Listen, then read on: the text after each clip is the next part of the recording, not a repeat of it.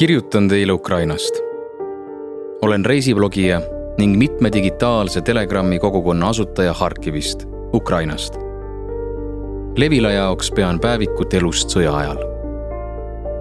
pikk tee okupatsioonist koju. Aljona lugu. inimesed, kes satuvad okupatsiooni alla ega püüa sealt lahkuda, ei tee seda tegelikult rumalusest sõja alguses näis kõigile, et see ei kesta kaua. Aljona ja temaga koos olnud inimesed arvasid, et kohe-kohe, paari nädala pärast nad vabastatakse. Nad nägid julgust sisendavaid uudiseid, et USA ja Euroopa toetavad Ukrainat, annavad tehnikat, relvi ja laskemoona. ja mis peamine, Ukraina kaitsevägi ei anna Harkivit ära. inimestesse sugenes veendumus, et läheb paar-kolm nädalat kõige rohkem kuu ning Ukraina armee deokupeerib Harkivi oblasti põhjaosa. kuid seda ei juhtunud. ning Aljona ja teiste Tsõrkunõsse okupatsiooni alla jäänud inimeste meeleolu läks aina räbalamaks. veniv ootus, peatse vabastuse lootuse mittetäitumine vedas vaimset seisundit aina sügavamale põhja. märtsi algul lendas Aljona majal katus pealt ning teine korrus sai tõsiselt kannatada. kohutav, kurdistav müra ehmatas kõiki. mõni sai paanikaataki. siis aga võttis maad vaikus ja see kestis peaaegu tunni. kõik olid lihtsalt vait. see oli pöördeline hetk kõigi jaoks, kes tolles majas viibisid ning viis selleni, et isegi seni kangekaelselt lahkumast keeldunud vanainimesed nõustusid teele asuma see on üks sõjavaludest. noored tahavad sõita mõnesse turvalisemasse kanti, memmed taadid aga keelduvad kodu maha jätmast ning nende hülgamine ei ole arusaadavalt mingi lahendus. pärast seda, kui Aljona maja oli kaotanud katuse ja teise korruse, asuti kavandama okupeeritud alalt lahkumist. ettevalmistus seisnes üldjoontes asjade kokkupanekus ja teiste lahkujatega kokkuleppimises, et moodustada autokolonn niisamuti tuli leida valged riidetükid märgistamaks, et autodes on rahumeelsed elanikud ning kirjutada sõidukitele lapsed, sest kolonni kõikides autodes olid lastega pered. Aljonal õnnestus tuttavate kaudu edastada ringteel kontrollpostil olevatele sõdurite autodele registreerimisnumbrid.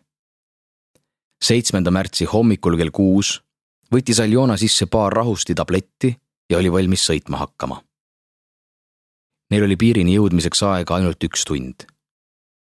Aljona teadis omast käest, et vaikuseaeg kestab hommikul ainult kuuest seitsmeni. hirm oli suur. see vaatepilt, purustatud majad, teed, autod, kauplused püsib Aljonal tänini silme ees. kuid Harkivi ringteele nad ei jõudnudki. tõkkepostil kästi neil ots ringi keerata. venelased väitsid neile, et olid juba ühe sellise perekonna läbi lasknud ja nende laibad vedelevad nüüd teel. kõiki autosid sunniti tagasi sõitma. see oli sajandi pettumus. pisarais Aljona jõudis otsusele, et tuleb sõita Venemaale, sest Harkivisse ei pääse kuidagi. Aljona meelest oli see kohutav reetmine. pealegi puudus ju kindlus, kas neid üle piiri lastakse. seetõttu võtsid autod järgmisel päeval, kaheksandal märtsil suuna Venemaa piirile kardeti kõike. et ei pääseta üle piiri, et võetakse ära passid, loomad, et hiljem ei lasta Venemaalt välja. teel peatati autosid oma seitse korda. kontrolliti dokumente, telefone, fotosid, kirjavahetust, vaadati pagasit. Aljona nägi teel väga palju Vene sõjatehnikat, kuulis seda lakkamatult. piiril võeti neid vastu tülgastavalt silmakirjalikult. naised-lapsed suunati humanitaarabiruumi, kus oli tualett, hügieenitarbed söögiks lihakonservid, küpsised, tee ja kohv. lastel oli mänguasju, mingeid riideid. kõik olid viisakad ja abivalmid.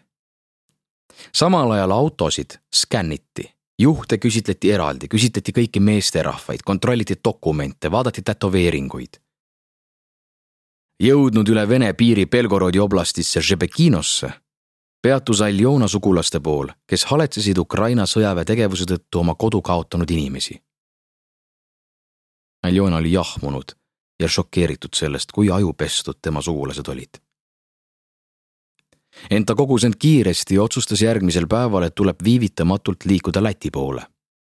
teele asunud kolm autot sõitsid peaaegu peatusteta kaks ööpäeva. Lätti jõudmiseks tuli läbida Valgevene, mis on ju samuti agressorriik.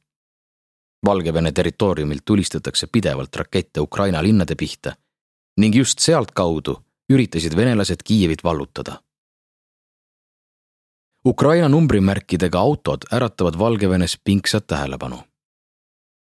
kõigepealt peatasid Valgevene piirivalvurid neid Venemaa piiril, kontrollisid dokumente ja küsitlesid kõiki ligi kolm tundi. ning hiljem hoiti kõiki kolme autot Valgevene-Läti piiril kinni üksteist tundi.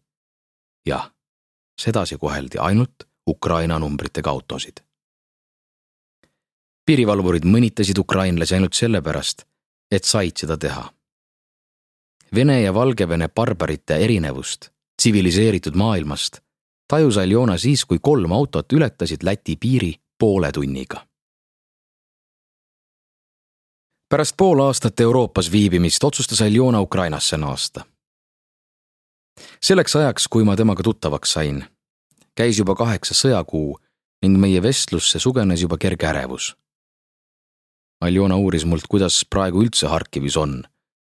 ilmnes, et ta ei ole okupatsiooni alt lahkumise peale Harkivis käinud, nagu ka mitte oma kodukülas, deokupeeritud Tšõrkunõs. Aljona tunnistas, silmad täis kurbust, et ta igatseb Harkivit väga, kuid ei leia sinna sõitmiseks endas moraalset ega psühholoogilist jõudu. ta tahaks väga näha, millises seisus on nüüd Harkiv, temale armas Saltivka ja tema ema maja. tahaks külastada oma lemmikkohti ja saada kokku Harkivisse jäänud sõpradega. kuid ta kardab, et see, mis ta näeb, paneb teda ohjeldamatult nutma. Aljona on endamisi otsustanud, et läheb Harkivisse pärast sõda.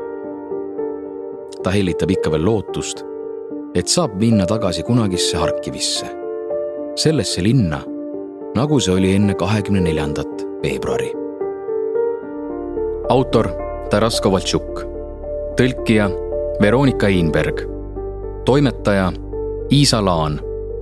audiolugu loeb Karmo Nigula. salvestus, helikujundus Janek Murd. originaalmuusika Konstantin Tsõbulevski. Levila kaks tuhat kakskümmend kaks